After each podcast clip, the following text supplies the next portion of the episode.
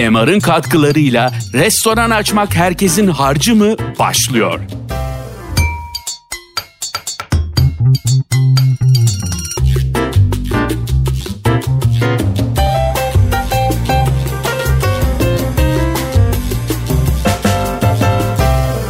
Tekrar hoş geldik Osman abi. Hoş bulduk. Şimdi bu haftaki konumuz da ekipman seçimi. Ekipman seçimi derken herkes iyi bir şeyler seçmek istiyor. Herkes mutfağını, barını, e, restoranını iyi ekipmanlarla, doğru ekipmanlarla doldurmak istiyor. E, biz biraz doğru ekipmanlardan bahsederken bugün aynı zamanda o işletme için gereken ekipmanlar fazlası olmasın, azı da olmasın ama o işletmeye optimum uyacak ekipmanlardan gerekiyorsa kullanılmışlar olabilir, az kullanılmışlar olabilir, e, sıfırlar olabilir, o sıfırların büyükleri olabilir, küçükleri olabilir. Biraz ekipman seçiminde bu işe başlayacak arkadaşlarımızı motive etmek, e, doğruları anlatmak, yanlışları yapmalarından kaçındırmak için bu podcast yaptık diyelim. Cem de bizimle. Cem'i de tanıt istersen. Cem Erol, e, Mutfak Sanatları Akademisi e, baş şefi, baş eğitmen, baş 11, şef. 11 yıldan beri. 11 yıldan beri doğru. Bizim büyük şef Cem hoş geldin. Teşekkürler. Hoş geldin Cem. Sağ olun. O zaman ben bir soruyla başlayayım Cem. Tabii yeni bir işe giriyoruz. Çok hevesliyiz, çok hırslıyız vesaire filan falan. Yani bir yatırım yapmak isteyen birisinden bahsediyorum. En pahalı ekipman, en sofistike böyle lambalar yanıp sönen bilmem kaç programa programlanabilen vesaire ekipman mı en iyisidir? Yani kayıtsız şartsız en yüksek fiyat en iyi ekipman mıdır? Yani hayır. Ee, işlevselliğine bakmamız gerekir. Çok iyi ithal ekipmanlar var. Çok iyi yerli markalar var. Bir parça bu mutfak düzenini, ekipmanları kuracak olan belirleyici şefin rolü burada çok önemli. Doğru ekipmanı seçebilmesi ve tecrübesinin olması gerekiyor. Birazcık şeyle alakalı yani kurulum yapan e, o ekipmanları kullanacak olan kişinin doğru altyapıda ve bilgi düzeyine sahip olması gerekir bence. Bir kere şunu söylemek istiyorum Cem müsaade edersen Osman abi. Şöyle bir yanlışlık yapılıyor. Genelde eğer tek başına bu yola çıkan insan varsa bir danışmanlık alırsa e, bu danışman o mutfağı döşüyor, ediyor, çiziyor. Halbuki bu mutfağı yapacak adamın orada çalışacak olan şef olması lazım değil mi? Yani mutfağı yani kendi mutfağını kendisi dizayn edecek şef ki o mutfakta çalışacak, o mutfaktan ne çıkartmak istediğini bilecek falan. Pek aynı fikirde değilim. Söylediğin şüphesiz doğru. Yalnız şöyle bir şey var. Şimdi bizim sektörde döngü çok yüksektir.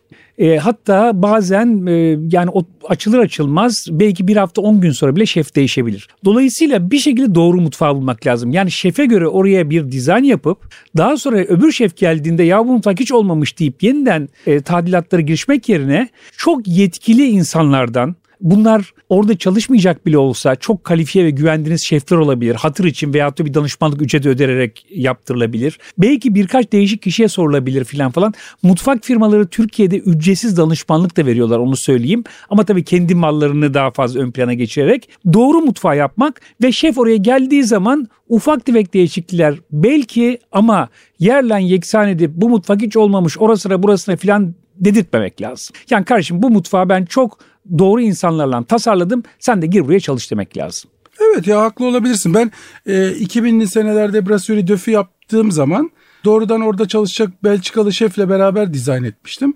Hiçbir problem de olmamıştı. Ama tabii o uluslararası bir şefti ve çok iyi bir şefti. Çok tecrübeli bir şefti. E, mutfağı da kendisi mutfağı için, da kendisi için e, tasarlamıştı. Çok değerli bir insandı hatırlıyorum. Ee, iki buçuk sene bizimle kaldı. İki buçuk sene sonra gittikten sonra onun yerini dolduracak şef geldiği zaman mutfağa sığamamıştı. Çünkü öbürü ufak tefek bir adamdı. Fırınların ocakların arasına giremiyordu. Ya bazen mutfakta çalışacak şefin boyutları bile... Tabii ergonomisi yani bunu çalışma ergonomisi diyoruz. Cem sen ne düşünüyorsun bu konuda? Mutfağı kim dizayn etmeli? Osman Bey bence dediğinize katılıyorum dediğiniz gibi şey sirkülasyon çok yani hemen açılır açılmaz kadrolar değişebiliyor. Bir bilir kişiden bir onay almak taraftarıyım ben. Tabii ki dediğiniz gibi yani ana şeyleri alterleri oturtacaksınız. Hem mutfak firmasıyla hem de belki bir danışman şefle.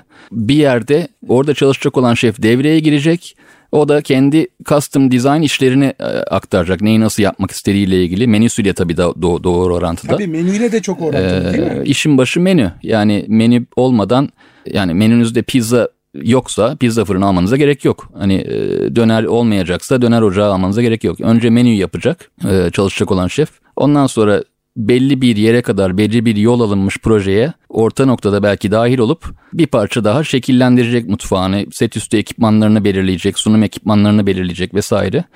E, çok mali de bir yük getirmeden finalize hale getirecek yani projesini. Tabii birçok analiz var burada. Şimdi menü bu işin esası. Tabii ki menüye göre yapılacak ama mesela sandalye sayısı dolayısıyla ağırlayacağın misafir sayısı da bilmiyorum aynı fikirde misin Cem? Hem seçeceğin cihazların e, teknolojisi hem e, hacmi, kapasitesi e, hem de doğruluğu anlamında çok önemli. Yani bütün bu şeyleri, analizleri yapıyor olman lazım. E, ve yine aynı şekilde yani yemeklerin daha önceden hazırlanıp sergilendiği bir esnaf lokantası gibi bir yer mi burası? Her şeyin alakart çıktığı bir alakart lokanta mı? Yoksa tabldot tipi yani kısıtlı bir menüyle çalışan bir yer mi? Fast food tip bir yer mi? Yani bu şeyler de analize dahil edilmeli. Yani nasıl servis ediliyor bu yemekler? Kişi sayısı çok önemli, lokantanın seviyesi çok önemli vesaire vesaire. Katılıyor musun bilmiyorum. Kesinlikle. Tabii ben de tam şeyi söyleyecektim. Cem dedi ya hani menüde pizza yoksa pizza fırını falan koymayacaksın. Bu çok normal bir şey. Yani söylediğin zaman çok normal bir şey. Bunun haricinde aslında şöyle bir durum var. 40 kişilik bir kafe işletiyor. 5 kaşıklı bir makine alıyor. 20 bin euroya 30 bin euroya. Kardeşim bir tane kapsül makine koy. Herkese standart şey çıkar veya tek kaşıklı bir makine koy. Herkese standart kahve çıkar. Yani makinaların boyutları da restoranın boyutu ve restoranın kapasitesiyle çok önemli. İlla gidip en büyüğünü, en kralını, en bilmem nesini almak gerekmiyor. Buradaki hikaye optimum başarıyı yakalamak. Makine olarak da performans olarak da. Tabii dünya eski dünya değil, Türkiye eski Türkiye değil. Mesela belki biliyorsunuzdur beni hep hayrete sürükleyen bir rakamdır. Bu son yıllarda, son 10 yılda büyük bir kahve devrimi geçiriyoruz. Bir sürü coffee shop açılıyor. Şimdi bu coffee shopların tanımında küçük bir yer olması lazım. Bu da ya büyük olsa olmaz mı? Hayır olmuyor. Dünyanın her tarafında coffee shopların küçük olması isteniyor. Çünkü cozy dedikleri hani diz dize iç içe insanlar yakın birbirine samimi bir hava var vesaire. Çay bahçesi gibi coffee shop tavsiye etmiyorlar. Neyse uzun lafın kısası e, küçük yerler. Şimdi burada neler var? İşte sandviçler var sıcak soğuk vesaire. Geniş bir pasta ve tatlı ve kurabiye ve unlu mamuller şey var. Şimdi bunların tamamını senin üretmen eğer bir zincir değilsen hayalden de öte çılgınlık. Dolayısıyla mesela burada belki mutfağında bunların hiçbirini üretecek bir altyapı kurmaman ve bunların tamamını dışarıdan yarı pişmiş donmuş kendi kendine açılan hazır bilmem ne vesaire şeklinde bir satın alma planıyla yola çıkman mutfağında ona göre yapman gerekiyor. Yoksa küçük bir coffee shopta sen bir dolap dolusu birbirinden farklı 10-15 kalem tatlı çıkarman mümkün değil. Ne dersin Cem? Katılıyorum Osman Bey. Hem dükkanlar küçük e, hem içeri girecek olan misafir sayısı az. Zaten satış potansiyeliniz belli. Atıyorum 100 kişilik bir coffee shop'ta günde 20 tane ürün satacaksınız gıda ürünü. Bunu belki e, dışarıdan şey yapabilirsiniz. Yani boşuna bir hem bir depolama alanı hem mutfak alanı hem personel zayi e, yönetimi yapmanıza gerek kalmadan hani raf ömrü belki bir parça uzun ürünler tercih edilebilir vesaire. Dediğiniz gibi çok mantıklı yani. Daha feasible geliyor. Ve Türkiye çok ileride bu konuda. Bir de o, o var. Eskiden yoktu bu ürünler. Biraz şeye girmek istiyorum müsaadenle Cem. Ee, bu sadece birebir sıfır markalardan işte ne bileyim yabancı olursa Electrolux olabilir, yerli olursa Östriyakiler olabilir. Bu markalardan bir de bunların kullanılmışları, o ikinci el pazarları, oradan kurulabilecek mutfaklar veya devredenlerden alınabilecek mutfaklar gibi biraz oralara da girer misin lütfen? Özellikle bu dönemde maalesef ki diyorum çok kapanan yerler oldu. Yani şu anda pazarda çok ciddi, çok az kullanılmış mutfak ekipmanları var. Onlar kullanılabilir. Onlar bayağı şu anda available bir şekilde duruyor. İthal ürünler döviz kurundan dolayı bir parça yüksek. Yani bu eskiden atıyorum 200 bin TL'ye çok basit bir iyi bir restoran mutfağı kurabiliyorken şimdi bu artık bir milyon lira çıktı. Bir milyonlara çıktı. Dolayısıyla ikinci el ürünler tercih edilebilir. Neye dikkat edilmeli ikinci el bir şey alınacaksa? Mesela bana çok ütopik geliyor. Yani ben kendimi bildiğim için en iyisi olsun, yenisi olsun, şusu olsun, busu olsun. Okulun harcı alem şeylerinde bile, ekipmanında bile ben aman abi iyisi olsun, en iyisi olsun, sıfır olsun falan. Bu e, kullanılmış bir şey alınırken neye dikkat etmeli insanlar? Yani ben olsam bir çalıştırırım, bir hikayesini dinlerim, nereden geliyor, kaç sene kullanılmış. Aynı araba alırkenki gibi. Belki bir hikayesi vardır. Kimden çıktı bu? Ben mesela bir tane buzdolabı bakıyorum eşimin mutfağına. Bir tane ikinci el bir şey buldum. Nereden çıktı bu dedim. Kemer Country'de bir evden işte e, köpeklerine kemik dondurmak için kullanılıyormuş. Bunu duyduğum zaman ben, ben o dolabı alırım yani çok kullanılmıyor. Ee, böyle harş bir şekilde sektörde kullanılmamış. O zaman o hikayeyi duyduğum zaman direkt e, bir de tabii dolabın tipine vesaire bakaraktan da hani profesyonel dolap. Aynen aynen. Ee, böyle böyle bir, bir parça daha araştırmak lazım belki e, güvendiğiniz, bildiğiniz, tanıdığınız e, insanlardan geçmişini bildiğiniz ekipmanı almak daha doğru bence ikinci el olarak. Ben de bir şey söylemek istiyorum çünkü ben danışmanlık yaptığım için e, sık sık bu sorular bana soruluyor ve e, ben de bir e, fikrimi söylemek zorunda kalıyorum. Şimdi Cem'in söylediğine yüzde yüz katılıyorum. Şu aralar gerçekten piyasa hiç iyi değil. Çok devre olan, kapanan vesaire yer var. Dolayısıyla fırsatlar da var. Fakat dikkat edin. Şimdi ikinci el bir şey alırken prensip itibariyle yüksek teknoloji ve yüksek tur içeren, süratle dönen veyahut da yüksek teknoloji işte yüz programı programlanabiliyor vesaire gibi şeyler ikinci el olarak pek tavsiye edilmez. Ha çok özel bir durum vardır tamam ama yoksa daha ziyade düşük teknoloji yani ayarlanabilir e, raflar, işte çalışma tezgahları yahut da düşük teknolojili e, işte bir takım cihazlar vesaire daha uygundur. Çünkü burada yanılma payınız çok düşüktür. Sadece eğer, bir ısıtıcısı olan. Evet. Var. Eğer yüksek teknoloji bir şey açmak istiyorsa, almak istiyorsanız e, bu tavsiyede bana bir servis vermişti. E, yani konunun tam uzmanları.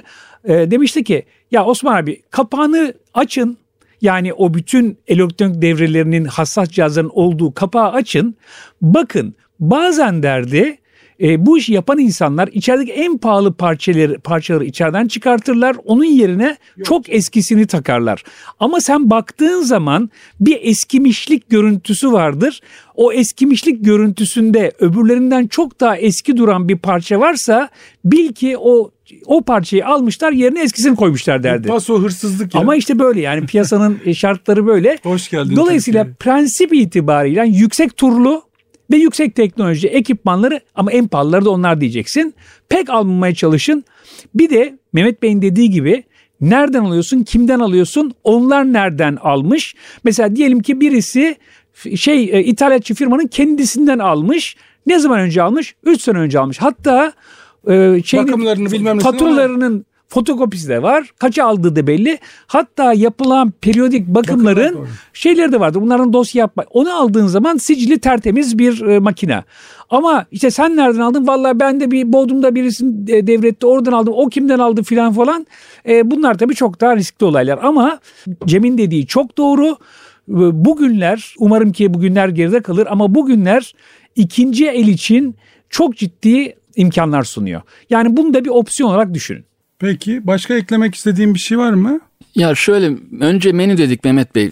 Ben buna biraz daha şey söylemek istiyorum bu konuyla ilgili. Mutfakların bence %99'u doğru planlanmıyor. Daha böyle biraz daha analitik düşünerek e, dizayn edilmeli diye düşünüyorum. Örnek ör, örnek vereceğim. E, siz bir menü yaptınız. Menüde bir restoranın menüsü olsun ve sadece bir ürün servis eden bir restoran olsun. Bunun adı da Sezar salata olsun. Menümüzde sadece Sezar salatası var. Bizim menümüzü bilmemiz ve buraya gelecek olan günlük kuver sayısını biliyor olmamız yeterli iyi bir mutfak dizayn edebilmek için. Ne gibi? Sezar salatasını ürünlerini breakdown ediyorsunuz. İşte marul, anchois, mayonez vesaire vesaire. Bütün bu ürünlerin restoranın mutfağına girdiği andan itibaren çıktığı, misafire gittiği ana kadar ve hatta geri döndükten sonra boşların temizlendiği bir akışı planlarsanız siz optimum mutfak şeyini planını yapabiliyor olacaksınız. Ne gibi? Örnek veriyorum marul geliyor soğuk havaya alınıyor doğru mu? Soğuk hava ihtiyacınız var. Marul sonra yıkanıyor. Evet lavaboya ihtiyacınız var. Marul yıkandıktan sonra doğranıyor. Bir, bunu bir, bir Excel'de yazdığınız zaman menü, menü kalemleri en sol sütunda. Ondan sonra yapılan akış her ürünle ilgili. Ondan sonra o akış doğrultusunda ihtiyacınız olan hem büyük hem küçük hem temizlik ekipmanlarını belirlediğiniz zaman bütün bu rotayı çizdiğiniz zaman sizin aşağı yukarı %99 bütün ekipman ihtiyaçlarınız ortaya çıkıyor. Bunu ben zannetmiyorum Türkiye'de kimseden duymadım ki böyle böyle bir çalışma yapıldığını düşünmüyorum ama bu şekilde olduğu zaman e, sizin bütün menünüzün bir e, şeyini haritasını çıkarmış oluyorsunuz ve en sağ sütunda da ihtiyacınız olan tek tek bütün büyük ve küçük ekipmanları e, ortaya çıkarmış oluyorsunuz. Yani açık, açıklayıcı olabildi mi bilmiyorum ama e, bu şekilde bir menü çalış. Menü üstünden yürünebilir diyorsun. Yani menü, tüm ürünlerin restorana, mutfağa girişin akışı, e, önce dolaba giriyor, sonra yıkanıyor, sonra dilimleniyor, sonra servis ediliyor, boş tabak geliyor, bulaşıkhanede yıkanıyor vesaire. Bütün bu döngüyü tasarladığınız zaman menü doğrultusunda. Akışı. A- aynen akışı e, bu şekilde bir mutfak planlamanız ve optimum milimetrik bir mutfak planlamanız çok mümkün. Tabii bu nerede oluyor? Nerede buna e, uygun davranılıyor? Bilhassa yabancı zincirlerde. E, yabancı zincirlerde e, ürün içeri girdiği andan itibaren hangi yolu izleyeceği, nasıl pişirileceği, nasıl muhafaza edileceği hepsi belli ve dolayısıyla en ufak bir gereksiz alet, gereksiz konumlandırma vesaire yok. Yine benzer bir şekilde yabancı olması şart değil. Diğer zincirlerde de bazen hazırlık mutfakları, merkezi mutfaklar vardır. Dolayısıyla her mutfakta fazladan ekipman, yer vesaire işgal etmemesi için belli bir noktaya kadar neredeyse pişmeye hazır noktaya kadar getirilir ürünler ve son gittiği yerdeki mutfak sadece bir finishing için bitirme mutfağı halindedir. Ama bu bir sistemin parçasıdır. Siz ilk lokantanızı açarken koca bir hazırlık mutfağı işte bu hazırlık mutfağından e, sizin mutfağınıza e, taşımayı yapacak e, bir araç vesaire gibi şeylere girişmezsiniz. Bu mantıklı değildir. Yani dolayısıyla e, Cem'in dediği gibi satın almanız da çok yakinen ilgilidir. Mesela ne bileyim eğer siz sadece hamburger satacaksanız ve bir kasapla anlaşmış hamburgerlerinizi gramajına göre uygun bir şekilde sizin reçetenize göre şekil vererek vesaire size hazır olarak gönderecekse e bir kasaphane bölümü e, yapmanız, tasarlamanız gerekmeyebilir. Yani ürünlerin ne şart ve şekilde satın alındıkları da çok önemlidir. Bu anlamda Türkiye'de giderek mutfak sanayi ve ara ürünler gelişiyor. Eskiden mutlaka herkesin kendi mutfağında yaptığı şeyler mesela soslar ve eskiden mayonez çırpılırdı. Yani düşünün mayonez yoktu piyasada. E, artık şu anda mayonezinizi kendiniz çırpmak zorunda değilsiniz. Hatta belki çok az insan yapıyordur bunu. Dolayısıyla ara ürünler piyasada ne var? E, buna göre mutfağınızı e, tasarlıyorsunuz artık. Peki. Var mı başka söylemek istediğim bir şey Cem? Ben, ben tamam aklımdakiler bu şekilde. Peki. Evet belki son olarak e, konuşmamızı başladığımız e, şeyden bitirelim. Her zaman en pahalısı en iyisi değildir. değildir. Kaldı ki bazen en iyisi de yani mesela arabalardan örnek verelim e, marka belirtmeyelim ayıp olur mutfak sanayinden. Yani Rolls Royce aldım. Ama belki doğru değil senin Rolls Royce alman. Çünkü sen onu kötü yolda, bozuk yolda kullanacaksın ve en fazla 10 dakikalık yere gideceksin. Niye Rolls Royce alıyorsun gibilerden. Yani dolayısıyla çok iyi bir marka da olsa bazen sizin konseptinize çok da doğru bir seçim yapmış ol, olmazsınız. Yani gerçekten bu üzerine düşünmesi gereken bir şeydir. Kesenizi ilgilendirir. Daha sonra iş yükünüzü ilgilendirir. Ee, daha birçok şeyleri ilgilendirir. Doğru ekipman sadece mutfak değil her yerde. Mesela barlardan hiç bahsetmedik. E barda da çok önemli ekipmanlar var. Yani o bakımdan doğru ekipman seçimi gerçekten bir uzmanlık işidir. Bu işe yeni giriyorsanız mutlaka uzmanların e, fikrini alın. Hatta belki birkaç uzmanın. Peki. Çok çok çok teşekkür ederim ikinize de. Bir başka sefere görüşmek üzere. Teşekkürler. MR'ın katkılarıyla restoran açmak herkesin harcı mı sona erdi.